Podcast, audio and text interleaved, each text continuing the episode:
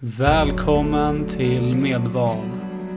Podden för dig som vill göra medvetna val, kunna frigöra din inre potential och få personlig utveckling för ett bättre välmående och en rikare framtid.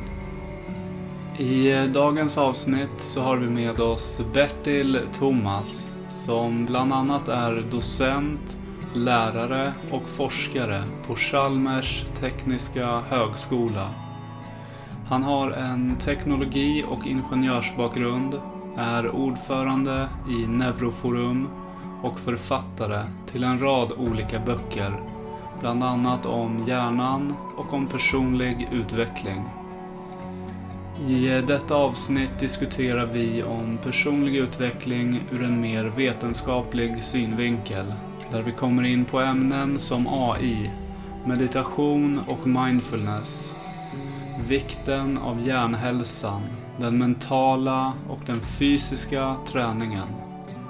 Vi ser över vad ett statiskt och dynamiskt mindset är och hur man kan förändra och utveckla sina tankar. Det är ett avsnitt med många bra tips och råd om hur man kan lyckas och hur man kan uppnå sina mål och önskade förändringar. Varmt, varmt välkommen till dagens avsnitt Bertil Thomas. Mm, tackar. Yes. Kul att ha dig här. Eller i, du är i ja, Göteborg nu då? Jag är i Göteborg men det är kul att jag ser dig på skärmen här så att eh, det känns som att du är i samma rum som jag sitter här. Det är jättebra. Ja, ja härligt. Ja. Um, och för de som uh, lyssnar och uh, vill veta vem du är, skulle du kunna bara berätta lite kort här, vem, uh, vem har vi med oss idag? ja, Bertil heter jag, Thomas efternamn. Jag är göteborgare och jag är tekniker i botten från, på Chalmers. Och sen har jag jobbat med olika saker som lärare och Eh, forskare. Jag har skrivit ett eh, antal böcker i olika områden, bland annat eh, det som vi ska prata om här idag då så kom jag ut nyligen med en bok om personlig utveckling. Och eh, sen ett antal år tillbaka då så har jag kurser på högskolan inom personlig utveckling. Och eh, sen har jag hållit på med lite forskning bland annat inom neurala nätverk. Och det är ett ämne som, alltså artificiella neurala nätverk ligger mitt emellan hjärnforskning och eh, teknik kan man säga. Mm. Ja, det handlar om alltså hur man försöker bygga tekniska system som fungerar på ungefär samma sätt som hjärnan fungerar. Alltså vid minneslagring och eh, inlärning och liknande. Så att man försöker använda hjärnans principer för att bygga tekniska system som funkar likadant. Det är ett väldigt hett ämne just nu. Mm. Mm. Intressant. Och det är, samma, alltså det är som AI då i princip? Man, det är en del av som... AI som neurala nätverk är en väldigt viktig del av AI. Sen finns det andra delar också. Mm. Genetisk programmering och så vidare och deep learning och mera. Ah. Yes. Ja, Intressant. Och eh, eh, skulle du kunna berätta lite om hur du kom in på det här med just hjärnforskning och personlig utveckling?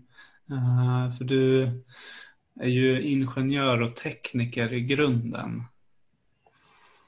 Ja, eh, ja, jag kan säga flera saker om det. Att, eh, en sak är väl att jag alltid har varit intresserad av hur av psykologi och hur människor fungerar och eh, jag läste det som extraämne då eh, när jag studerade på, på Chalmers på universitetet. Men eh, sen en annan viktig sak det var att jag blev väldigt utbränd för ett 20-tal år sedan. Eller jag fick en utmattningsdepression som det heter. Och efter det så började jag fundera lite mer på djupet och hur, hur kan det komma sig, eller hur kunde det komma sig att hjärnan på kort tid så funkar den helt annorlunda än den gjort bara några veckor tidigare. Och det här ledde så småningom till att jag lärde mig meditation och jag lärde mig mindfulness som jag hade stor nytta av. Och eh, jag fortsatte att eh, läsa om eh, om hjärnan och sen kom jag in på det här som jag nämnde då med eh, forskning på artificiella neurala nätverk. Sen det här med personlig utveckling, det blev ett litet eh, nyare intresse. Det var helt enkelt så att eh, eh, på skolan hade man upptäckt eller spanat in att det här med personlig utveckling, det borde väl vara någonting som, ska, som man ska kunna läsa inom ramen för läroplanen. Så att vi började testa med det och det har hållit på med sju, åtta år nu. Så att, det var ett stort intresse bland studenter också. Mm. Mm. Så att ungefär så. Mm. Finns det några effekter som du märkte där du nämnde att du eh, påbörjade med meditation och mindfulness? Var det någonting som eh, just under utmattningsperioden hjälpte dig att förstå vad som hände och vända på det? Eller?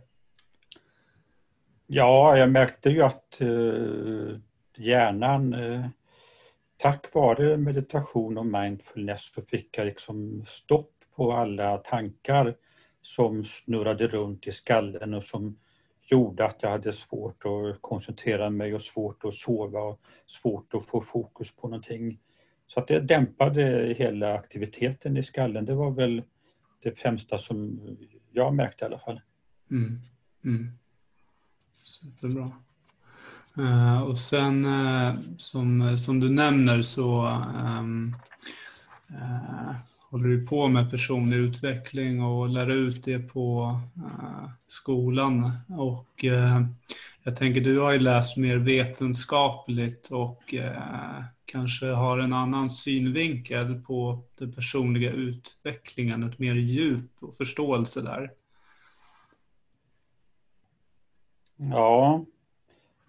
Eh, nej, det vet jag inte alls. Det, det är många som eh, det är jättemånga, det är stort intresse för personutveckling. Det skrivs mängder med böcker och så vidare. Och med olika synvinklar. Och eh, när vi skulle ta upp det här på högskolan så var vi väl noga med att, eh, att eh, vi skulle liksom ta in mycket, alltså vad, vad forskare säger om det här ämnet och eh, inte bara vad liksom jag tycker eller vad mina kollegor tycker sådär. Så att eh, vi satte väl oss in i eh, ämnet väldigt brett. Och så att det, om du vill, jag kan ju berätta om lite vad vi pratar om och vad som är, är inom forskningen just nu. Och, men som sagt, det är ett stort ämne och sen personlig utveckling, var, hur ska det definieras? Det, det, är ju inte helt eh, självklart, det är ju olika för olika människor vad man menar med personlig utveckling. Eh, men jag kan ju, en sak jag kan, eh, två väldigt tongivande amerikanska forskare som är väldigt i ropet just nu, det är ju, en av dem heter Carol Dweck och den andra heter Angela Duckworth. Och de har ju studerat då vetenskapligt det här betydelsen av att ha ett bra mindset, som man säger, alltså en bra mental inställning om man nu vill bli framgångsrik och eh, lyckas med det man, man vill i livet. Och eh, en sak de har visat då är att vissa människor de har ett eh, mera statiskt mindset och andra har ett mera dynamiskt mindset. Mm. Och om man har ett statiskt mindset då har man på något sätt under uppväxten fått tagit till sig uppfattningen att, att man inte kan förändra så mycket och det betyder i princip att man anser det inte lönt att anstränga sig så mycket för att utveckla sina förmågor. Man, man tycker man är den man är och man, man, har den talang och begåvning man har men man kan inte göra så mycket för att förbättra sig. Sen om man däremot har ett dynamiskt mindset då, då tänker man annorlunda om sådana saker. Då har man fått med sig uppfattningen att man faktiskt kan ändra och utveckla sina egenskaper och begåvning ganska mycket, bara man anstränger sig. Och det innebär ju att eh, man, ja, man trivs med utmaningar, man älskar att lära sig nya saker och man gillar att ge sig på svåra saker. Sen kan det vara olika olika sammanhang, att den ena kan ha ett väldigt statiskt mindset när det kommer till skolämnen som matematik och fysik till exempel. Medan de kanske har mer dynamiskt när det gäller eh, fotboll och eh, idrott och sånt. Och, ehm, men i alla fall, forskningen har alltså visat då att eh, det mindset man har, att det betyder väldigt mycket för hur man lyckas med olika utmaningar och för de framgångar då man får inom olika områden, idrott och skola och arbete och så vidare. Så att, att ha ett dynamiskt mindset, det verkar alltså vara en av de viktigaste framgångsfaktorerna kan man säga. Om man vill lyckas med det man eh, företar sig.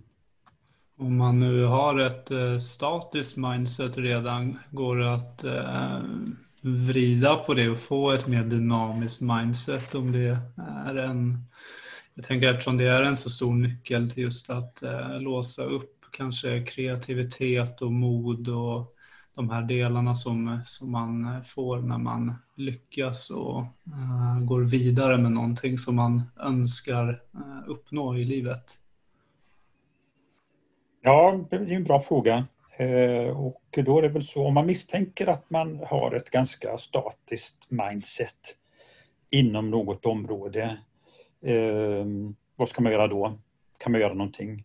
Jo, men det, det går faktiskt att påverka och i och med att det är ju, om man har statiskt eller dynamiskt mindset, det är ju huvudsakligen en inlärd förmåga. Alltså miljön är viktigare än generna för vilket mindset man har. Och eh, i och med att det är en inlärd förmåga så är det också fullt möjligt att lära om. Så att eh, om man dagligen börjar tänka och agera på nya sätt då i, i sammanhang där man möter olika utmaningar så kommer man nog gradvis att kunna bli mer dynamiskt, dynamisk i sitt tänkande. Så att man kan, kan förmodligen utveckla dynamiskt mindset om man, om man inte har det från början. Mm. Intressant, intressant.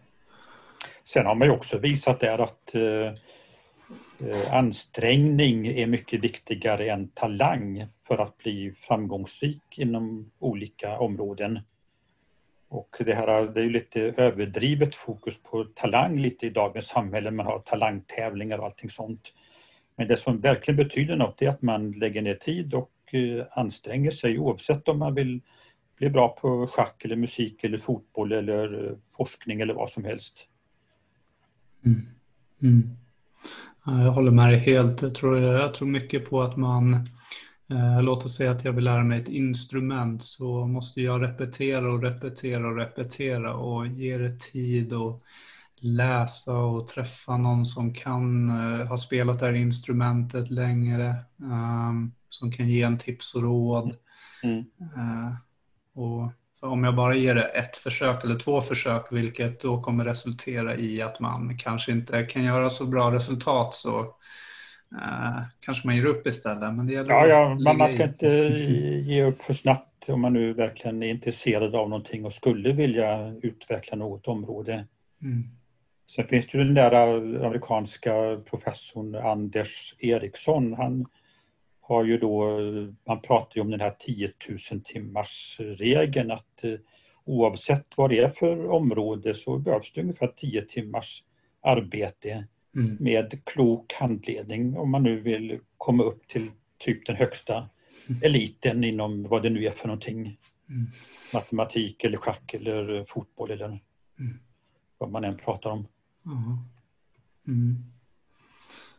Så att det där med mindset, det, det är någonting då som eh, det pratas om inom eh, vetenskapen. Eh, men sen finns det ju naturligtvis mycket annat också som man pratar om och ehm, det handlar ju också om att få sin hjärna att fungera så bra som möjligt. Mm. Och där pratar man ju om att man kan ha bättre eller sämre hjärnhälsa.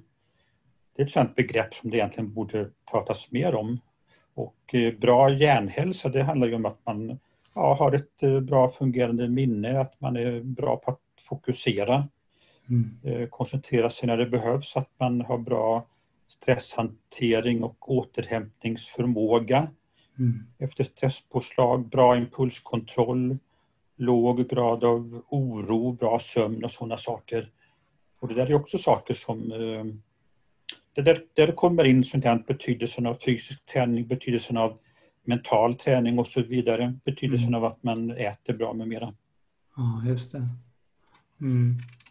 Uh, jag uh, såg faktiskt en dokumentär här om dagen om just eh, meditation och dess påverkan. Och då har man forskat och tagit, tagit fram då att eh, man faktiskt eh, får snabbare reaktionstid, man dämpar stresspåslagen, man blir alltså en lugnare person och får mer fokus och koncentration.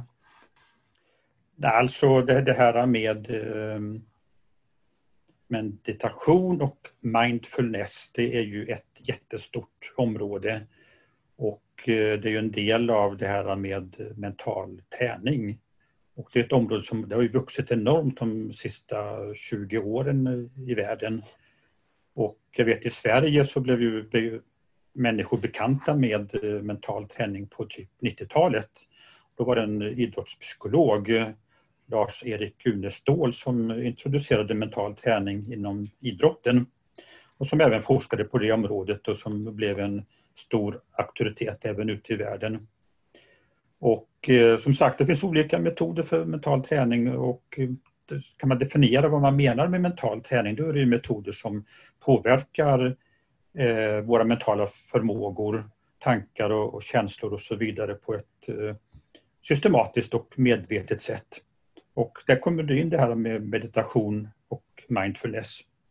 Mm. Men sen är det också olika former av yoga och visualisering, modellinlärning, affirmationer, självbekräftelser och så vidare. Hypnos och qigong och så vidare.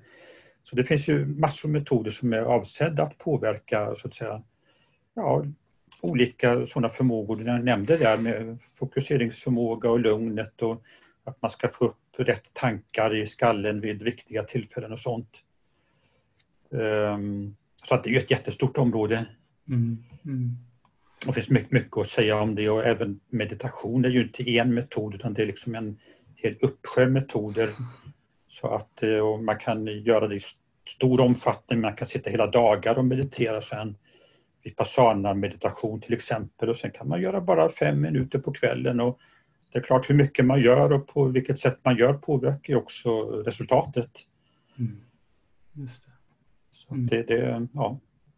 Mm. Och det här med mental träning, är det någon eh, speciell målgrupp eller människor som har eh, större nytta av den andra eller är det alla som behöver det eller hur, hur ser du på det? Uh, ja, men alltså mental träning det handlar ju om att man eh, vanemässigt ska tänka på ett klokt och konstruktivt sätt. Och sen är det ju tankarna som påverkar mycket av våra känslor. Så att eh, det, det påverkar även vilka känslor man får i olika sammanhang. Och eh, det är väl inom idrotten så har ju eh, mental träning blivit väldigt stort. Och idrottare säger ju att de, de skulle aldrig ha nått toppen om de inte också höll på med mental träning. Det är så pass viktigt alltså. Mm. Och det är ju många saker som de har nytta av det. Är alltså att klara långa perioder med hård och enformig träning och tycka att det är roligt. Mm. Man ska klara motgångar i karriären. Ett helt år kan ju ibland bli förstört av en skada. Man ska klara pressen från media inför stora tävlingar och så. Man ska må bra och sova bra. Tänka rätt vid stora tävlingar och avgörande tillfällen. Man ska klara psykningar från motståndare med mera, med mera. Massor med saker som där mental träning kan komma in. Mm. Och eh, tänker man lite där är ju naturligtvis betydelsefulla saker för idrottsmän. Eh, men om man funderar lite så kan man tänka att det finns liknande saker som är bra i alla yrken och för alla människor. Till exempel poliser och läkare och lärare och studenter och, och så vidare, föräldrar. Och mm. Eh, jag, menar, jag tänker att eh, inom alla yrken så har man ju perioder av hårt arbete som man måste klara. Eh, alla människor får motgångar då och då som ska klara, bemästras. Press från olika håll, det har man också. Från chefer och kunder och lärare och så vidare. Och avgörande tillfällen, det har man också inom alla områden, så poliser och vårdpersonal och förhandlare och så vidare, lärare kanske. Så att ehm, de som är mentala tränare, de, de säger nog att mental träning det är någonting som alla har mm. nytta av på något sätt, vilket yrke man än har. Mm. Och även till vardags.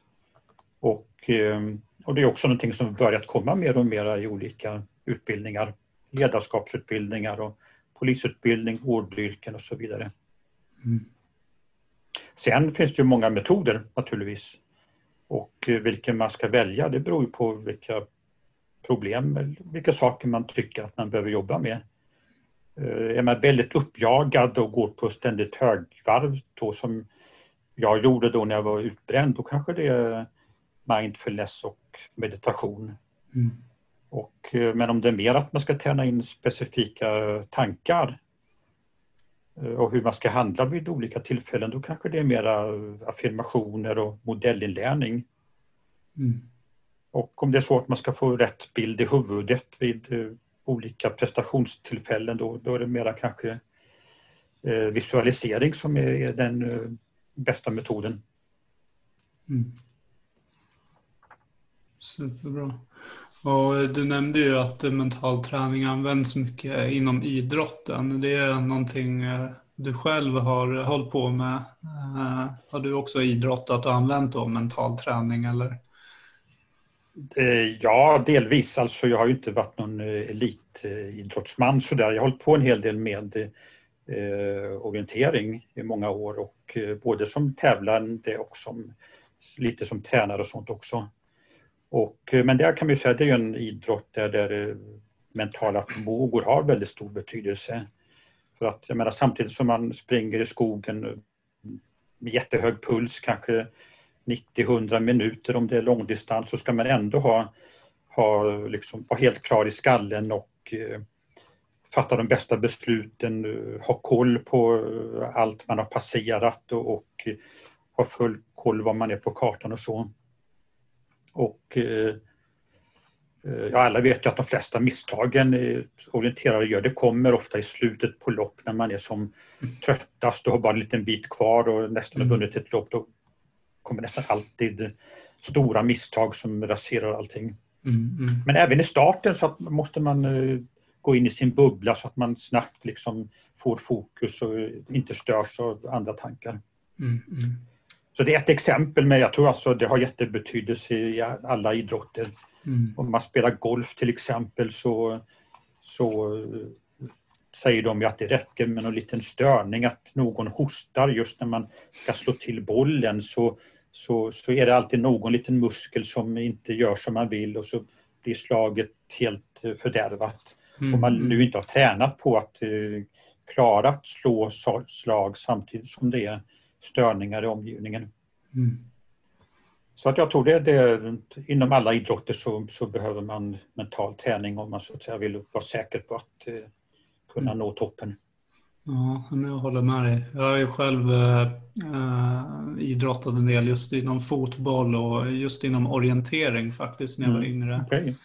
Ja. Eh, det är precis som du säger, man måste gå in i bubblan uh, ja. vid starten och sen så är det ju mycket uthållighet och um, sen när man är där ute i skogen och ska stämpla vid ett tillfälle och sen springa vidare, då måste man snabbt ta ett beslut. Vilken väg ska jag ta? Och verkligen se till att kartan är rätt. Det finns många olika stigar. Vilken är bäst? Mm, mm. Uh, så det är att ha väldigt bra fokus trots Precis. den höga pulsen. Ibland måste man fatta beslutet att man måste stanna till lite grann för att man kan inte bara rusa iväg, man måste stanna lite för att verkligen titta på kartan. Vad är nu det bästa här? Det kan löna sig att stå stilla fem sekunder eller tio sekunder för då kanske det blir ett bättre beslut. Mm. Uh, och sen är du eh, också uh, ordförande i nätverket eller föreningen Neuroforum. Neuroforum. Neuroforum, ja precis. Mm. vad, vad pysslar ni med där i, i det forumet? Ja, men det, det, är ett forum eller nätverk kanske man ska säga, eller förening Och den är ju till för då alla de som är intresserade av att ta till sig och eh, använda alla nya intressanta kunskaper som eh, har kommit fram inom eh, hjärnforskningen de sista 10-20 åren och det händer ju jättemycket. Och alltså sådana kunskaper som kan ha betydelse för alla människor egentligen. Så att det vi gör där det är väl då att vi samlar och strukturerar och sprider de nya kunskaper som har kommit och speciellt då så Eh, arbetar vi med att föra ut kunskaperna till eh, skolan och till eh, lärare och vi vill ha med det på lärarutbildningar också. Och ehm, ja, vi tror det finns mycket som skulle vara bra att lära ut redan i skolor. Och man märker ju som vi sa tidigare att det, personlig utveckling är ju en del av det här men det finns ju mycket mer också. Mm. Det skulle kunna leda till många positiva effekter om man fick in sånt mera i skolan. Mm. Och ja, föreningen bildades väl för en fem sex år sedan och det är väl en, några hundra medlemmar. Och eh, de flesta är väl lärare eller forskare eller beteendevetare men vem som helst kan vara med, det är liksom ingen eh, begränsning. Och vi anordnar lite konferenser varje år. Medlemmar som skriver böcker, vi skriver debattartiklar och så vidare. Sätet är ju i Göteborg men vi har även lokalavdelning i, i Stockholm och det finns aktiviteter lite överallt i landet. Mm. Mm.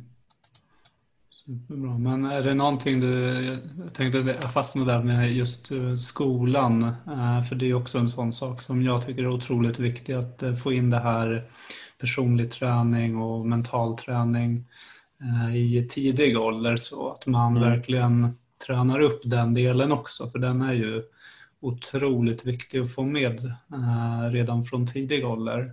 Mm. Det är ju ingenting som riktigt finns i skolan idag. Man har ju inte ett ämne som handlar om personlig utveckling eller mental träning. Eh, det är också någonting ni pysslar med att försöka få, få ut i forumet eller? Ja, alltså det, det handlar ju om allting som egentligen har med eh, hjärnan att göra och eh, eh, för mindre barn så kan det handla om att man ska förstå sig själv. Alltså när man blir riktigt arg till exempel så ska man kanske kunna lära sig att eh, få bättre impulskontroll och lugna ner sig. Och det finns skolor där man eh, arbetar med det här och det finns metoder för det. Sen handlar det ju om att öka kreativiteten och få ett bra samarbetsklimat på skolor, att förstå varandra och så vidare. Mm. Så, så, att det, det, finns många bitar i det här. Mm. Och så studieteknik, minnet, känsloreglering med mera. Mm. mm. Intressant. Um, och eh, du nämnde ju tidigare där att mental träning kan användas för att få in just, men man får ju in bra vanor eh, och man får, eh, eh, man på något sätt kan inte kanske styra sina tankar men mer observera dem genom just mental träning. Ehm, och jag tänker där också som du just nämner det här med att man kan ju bli förbannad och irriterad och stressad. Det kan man även bli som vuxen. Eh, men eh, är det någonting man eh, skulle kunna ändra på, just sina vanor och attityder? För det är ju någonting som jag tror är otroligt viktigt att lära sig. Att man kan ju påverka sig själv och hur man ser på den andra personen eller situationen. Mm man kan påverka sig själv och det är klart att genom att man själv ändrar på sig och kanske blir eh, lugnare och sådär när det är upphetsade diskussioner så påverkar man ju också hela stämningen och påverkar också andra människor naturligtvis. Eh, men det här med eh, att välja sina vanor är också en viktig sak, självklart.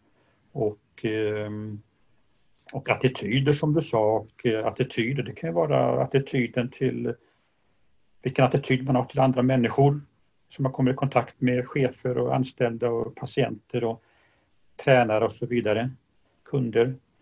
Eh, men sen kan det också vara attityden till olika saker och händelser som inträffar.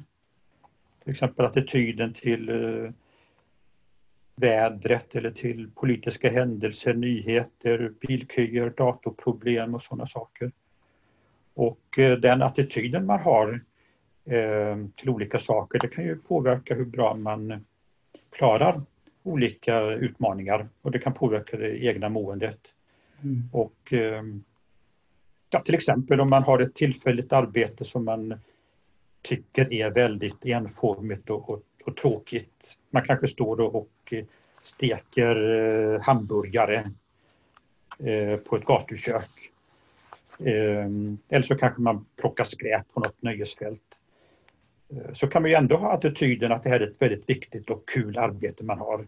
Man kan gå så långt att man låtsas att hela ens framtid hänger på att man utför det här arbetet så bra som möjligt.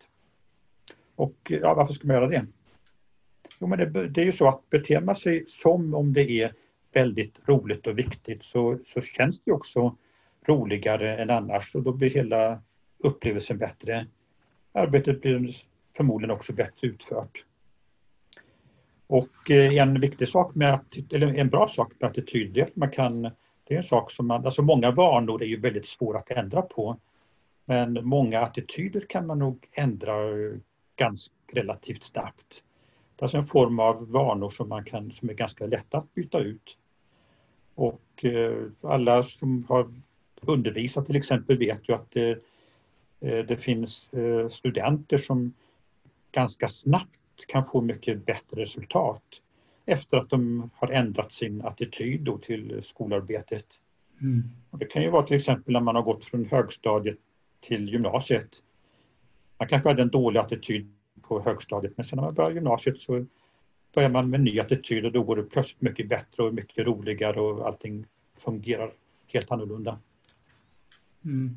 Det tror jag också helt klart. Uh, har man en attityd att uh, om man säger att man är elev i skolan eller att man, är, man, man arbetar på en arbetsplats och tycker att arbetsuppgiften eller uppgiften man har i skolan är skittråkig och skitjobbig och så nöter man in den här attityden att det här är mm. så jäkla tråkigt. Då kommer det inte direkt bli roligare utav det. Um, men det är, jag tänker det kan ju vara svårt också att tänka då att det här är så jäkla kul, shit vad jag kommer lära mig och ha användning av det här. Mm, um, precis. Mm. Exakt. Men är det någonting man ändå, är det bra att ändå träna in det? Kommer det bli roligare då per automatik då alltså? Nej, ja det tror jag alltså. Jag tror att man ganska snabbt kan ändra sin uh, attityd och man märker ju snabbt att man mår bättre av det själv om man har den eh, rätta attityden. Och, eh, men det är ju en sak, vanor pratar vi om också där att eh, mm. det, är, det är också så, någonting som man naturligtvis bör tänka igenom att man inom alla områden, alltså mat och träning och sömn och festande och studier och hygien, allt möjligt så kan man ju tänka igenom vilka vanor man har och sen försöka ändra det så att man får ja, sådana vanor som är någorlunda kloka då i det långa loppet som gör, så att, gör att man eh, ut, utvecklas. Och det här med vanor, jag vet att eh, det har varit uppe tidigare på någon av dina tidigare poddar där, men det är ju saker som eh, man gör regelbundet och som med tiden blir mer och mer eller mer eller mindre automatiserade. Mm. Alltså sånt som man gör utan att tänka på det, kanske flera gånger om dagen eller en gång om dagen eller varje vecka och så vidare. Mm. Till exempel vanan att man ska borsta tänderna eller vanan att träna om man nu gör det. Mm. Eh, vanan att äta vissa ämnen och dricka vissa grejer och så vidare. Och um, det sägs ju att 90 till 95 procent eh, av allt det vi gör dag ut och dag in, det är alltså olika olika vanor. Mm.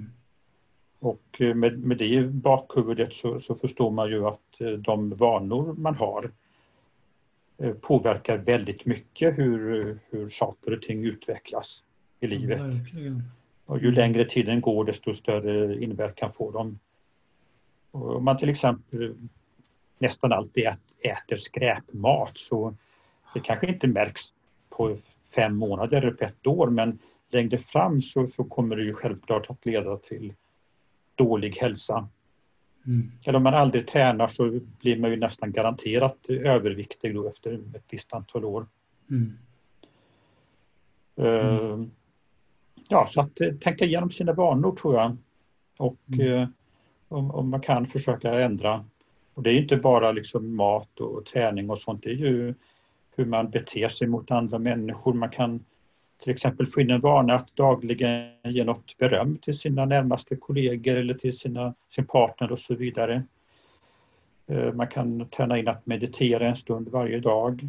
Man kan alltid svara glatt när man möter sådana som man egentligen tycker är lite besvärliga.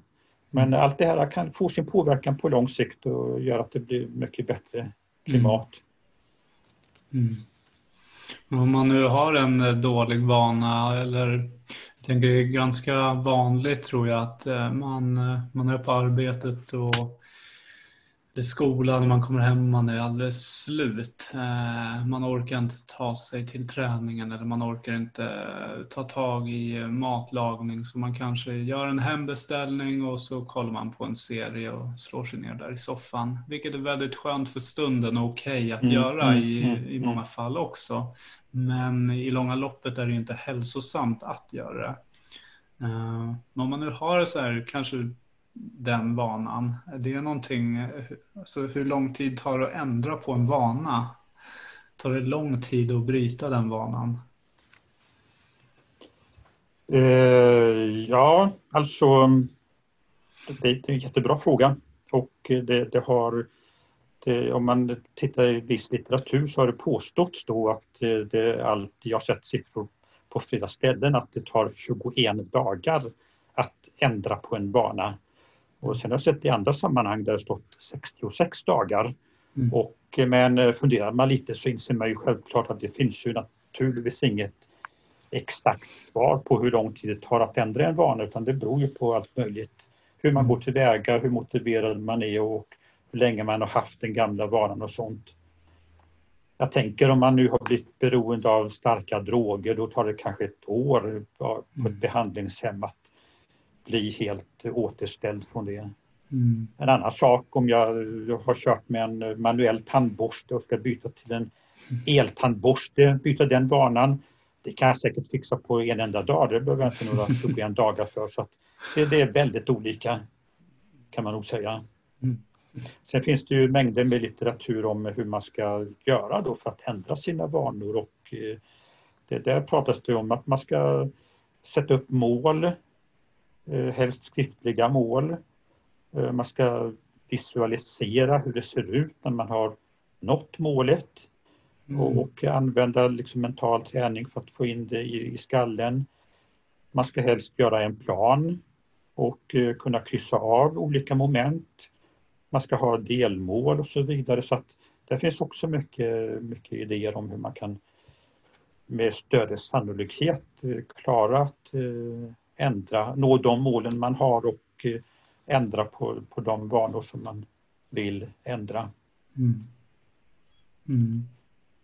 Superbra. Och, uh, ja, jag tror också helt klart att det är så, som, precis som du säger, så det beror ju på hur lång, lång vanan uh, Alltså hur, hur, länge det har pågått och också vad man, alltså vad vanan innebär, om det är droger eller om det är att uh, Eh, byta till eh, snabbkaffe från eh, annat kaffe. Mm. Ja, ja precis. Så, det beror ju helt på situation. Um, sen kan man ju också falla tillbaka och där tänker jag, ska man då gå vidare då med de här delmålen att planera in att kanske också om jag misslyckas så Ska jag göra så här? Eller är det någonting man inte ska ha med i planen?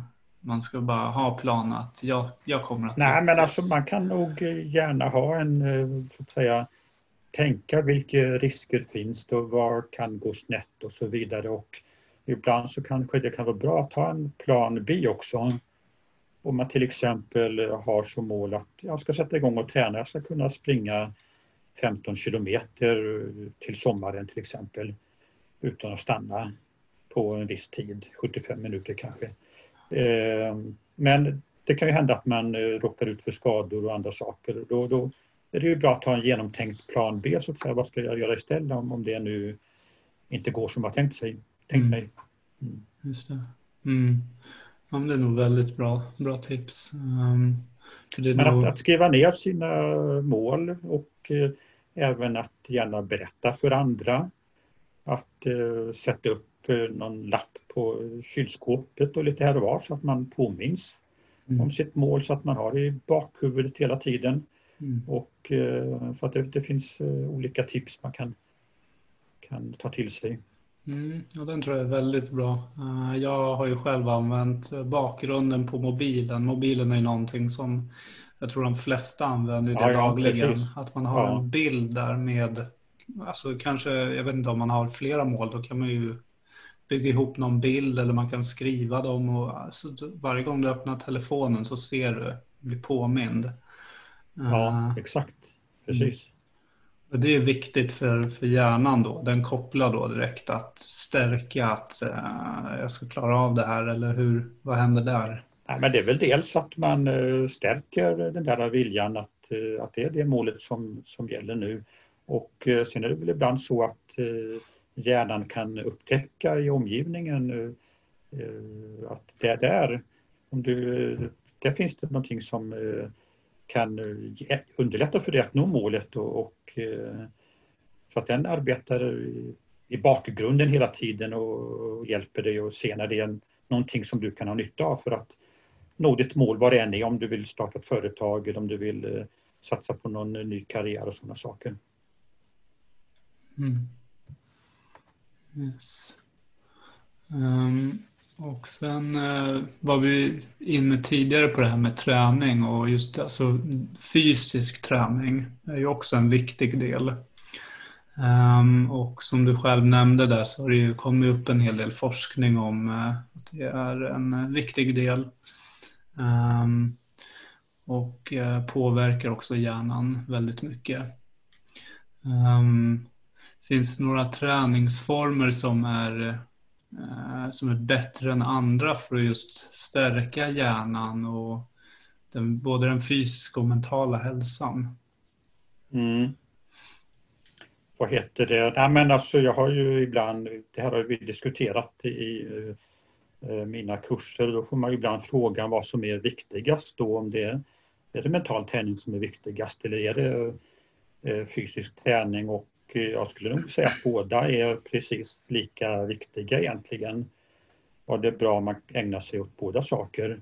Men sen vad man ska ha tyngdpunkten, det är ju väldigt individuellt naturligtvis. Eh, men man, man brukar ju likna eh, hjärnan vid en datamaskin. Och eh, i en datamaskin så brukar man ju säga att det finns både hårdvara och mjukvara. Och hårdvaran det är det som syns om man öppnar burken och tittar. Då finns alla kretskort, det finns minneskretsar och elektronik och så vidare. Medan mjukvaran det är det som inte syns direkt. Det är alltså alla program som finns lagrade och eh, det som finns i minnet på datorn och så vidare. Eh, men sen kan man säga att det är likadant med hjärnan. Den har både hårdvara och, och mjukvara kan man säga. Och hårdvaran det är det som man ser om man öppnar skallen. Och alltså olika strukturer, hjärnbarken och pannloberna och lillhjärnan och hippocampus och amygdala och så vidare. Och de två hjärnhalvorna med mera. Och alla de delar har ju olika funktioner. Medan mjukvaran då det är det som inte syns det är ja, de tankar man har och attityder och värderingar, åsikter, idéer och så vidare, minnen, kunskaper med mera. Eh, och, de sitter ju huvudsakligen i synapserna då uppe i hjärnbarken, de här bitarna. Och ehm, då brukar man ju säga att när det gäller att fysisk träning, det är ju huvudsakligen bäst när det gäller att stärka hårdvaran då, alltså strukturen och kopplingen mellan olika delar i hjärnan, storleken på, på olika delar, hippocampus och så vidare. Eh, medan mental träning det är lite mera, kan användas lite mera för att påverka mjukvaran. Alltså påverka hur man tänker och vad man tänker och vilka känslor man får vid olika händelser, vilka attityder man har. det, det mindset man har och sådana saker. Mm. Så att eh, jag skulle vilja säga att båda bitarna är, är väldigt är lika viktiga faktiskt. Mm. Mm. Superbra svar. Uh, verkligen. Och eh, skulle du kunna beskriva lite kort vad som, vad som händer i hjärnan just vid, om vi, om vi går tillbaka till just fysisk träning. Eh, vad är det som händer i hjärnan när man får upp pulsen och eh, hur man i så fall ska träna där för att verkligen få ut det mesta och bästa av sig själv? Ja, precis. Ehm, nej, men bakgrunden är väl då att uh, sen eh, några årtionden tillbaka så har det ju kommit mer och mer tung och uh, väldigt uh, omfattande forskning som visat hur viktigt det är med pulshöjande fysisk träning då för att få hjärnan att fungera så bra som möjligt. Alltså inte, bra för att, inte bara för att man ska få bra kondition och starka ben utan att det påverkar hjärnan väldigt mycket. Och eh, det ska ju vara sån träning då som höjer pulsen. Typiskt kanske att man är ute och joggar en halvtimme ett par gånger i veckan eller skidåkning eller cykling eller simning eller snabba promenader eller ja, man ska få upp pulsen lite grann i alla fall. Mm. Och eh, några effekter som man har sett är ju då att eh, det ger bättre stresstålighet förmågan att Eh, återhämta sig efter stresspåslag blir bättre. Man får bättre minne, både kortsiktigt och långsiktigt. Eh, koncentrationsförmågan blir bättre. Eh, skyddet mot depression och nedstämdhet blir bättre. Och i vissa fall är det lika bra som antidepressiv medicin. Och hjärnans åldrande bromsas och eh, flera av de här punkterna, det, det finns både kortsiktiga effekter och eh, långsiktiga effekter. Eh, till exempel minnet och stresståligheten. Då har man direkt efter ett träningspass så har man lite bättre minne och man har bättre stresshantering. Men sen finns det också en långsiktig effekt, alltså att om man håller på långsiktigt eller regelbundet med fysisk träning så, så får man liksom permanenta förändringar i skallen som gör att man får eh, bättre, bättre minne, bättre koncentrationsförmåga, bättre stresshantering. Mm. Sen den där frågan eh, vad som händer i hjärnan, där kan man egentligen gå hur djupt som helst på det.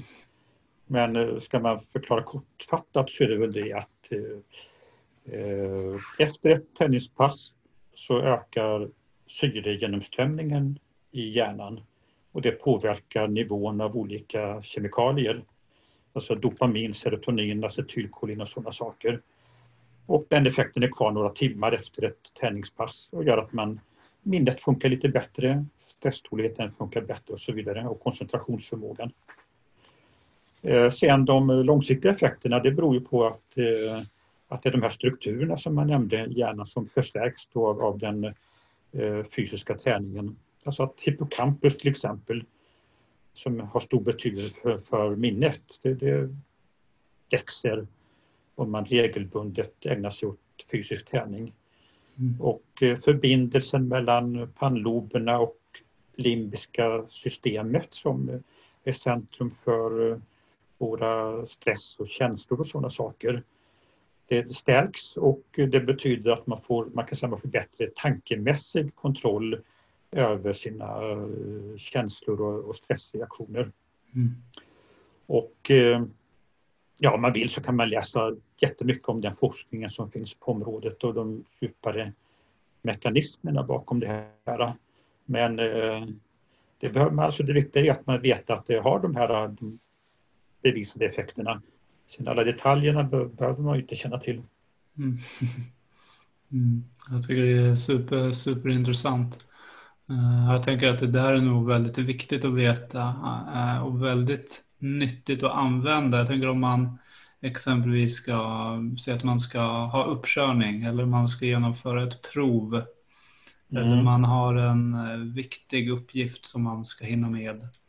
Mm. Då Antingen beroende på situation att man kör meditation, mindfulness eller att Mm. man får upp pulsen genom någon form av träning, kanske joggar en sväng eller gör lite armhävningar. Då kommer man alltså få bättre minne, man kommer kunna fokusera bättre, man kommer ha lägre stressnivå. Det måste innebära att man kommer få bättre resultat då, tänker jag. Ja, precis. Sen ska man nog inte köra något stenhårt pass innan. Mm. För att eh, då, då vänder effekten. Det, är nämligen så att kör man stenhård träning då är det liksom eh, musklerna i benen som behöver liksom all syre och då minskar det där syret i hjärnan. Så, så att eh, ett eh, någorlunda hårt pass det kan man köra men inte det där stenhårda passet. Och framförallt Det- det är inte nog mycket bra, benpass. Och sen blir man ju naturligtvis lite trött också om man uh, kör ett stenhårt pass med fysisk träning. Mm. Men ett måttligt pass det tror jag är jättebra inför uh, att prov i skolan eller nå- någon annan prövning som man har. Mm, mm. Superbra. Eh, är det något annat du känner att vi som du känner att du vill lyfta här? Något ämne som, som du känner att vi har missat här nu? Nej, alltså om vi, vi sa att vi skulle prata om eh, personlig utveckling och det är klart att det finns jättemycket att, att som man skulle kunna ta upp där och eh, vi har varit inne lite på det här vikten av att sätta upp mål och eh, både långsiktiga och kortsiktiga mål inom olika områden då inom arbetet och skolan och fritiden och så vidare. Det, är ju, det skrivs ju mycket om det i, i böcker om personlig utveckling. Eh, En annan sak det är ju det här att eh, naturligtvis eh, sitter man hemma och eh, tittar på samma gamla filmer dag ut och dag in så, så, så utvecklas man kanske inte så speciellt mycket. Så, så att det är ju viktigt också att eh, skaffa nya erfarenheter, alltså prova Mm. nya saker som man inte gjort förut och, gärna saker som ligger lite utanför den här eh, bekvämlighetszonen som man säger. Ehm, Så att det, är en sak som eh, man också kan nämna här. Mm. Sen skaffa sig en bättre självkännedom kan vara väldigt värdefullt. Mm.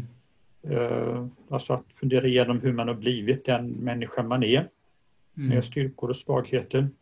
Mm. Och det är något som psykologer har pratat om i hundra år, alltså vikten av att skaffa en bra självkännedom. Och Att man kan lära sig mycket om det och speciellt om man då har lite trauman eller andra saker i bakgrunden som man vill bearbeta då man kanske behöver tänka på nytt och få en förklaring till att man har blivit eh, som man är så att säga. Mm. Ehm, Att läsa böcker Mm. kan ju vara, tycker jag det kan man lära sig mycket på, viktigt för personliga utvecklingen.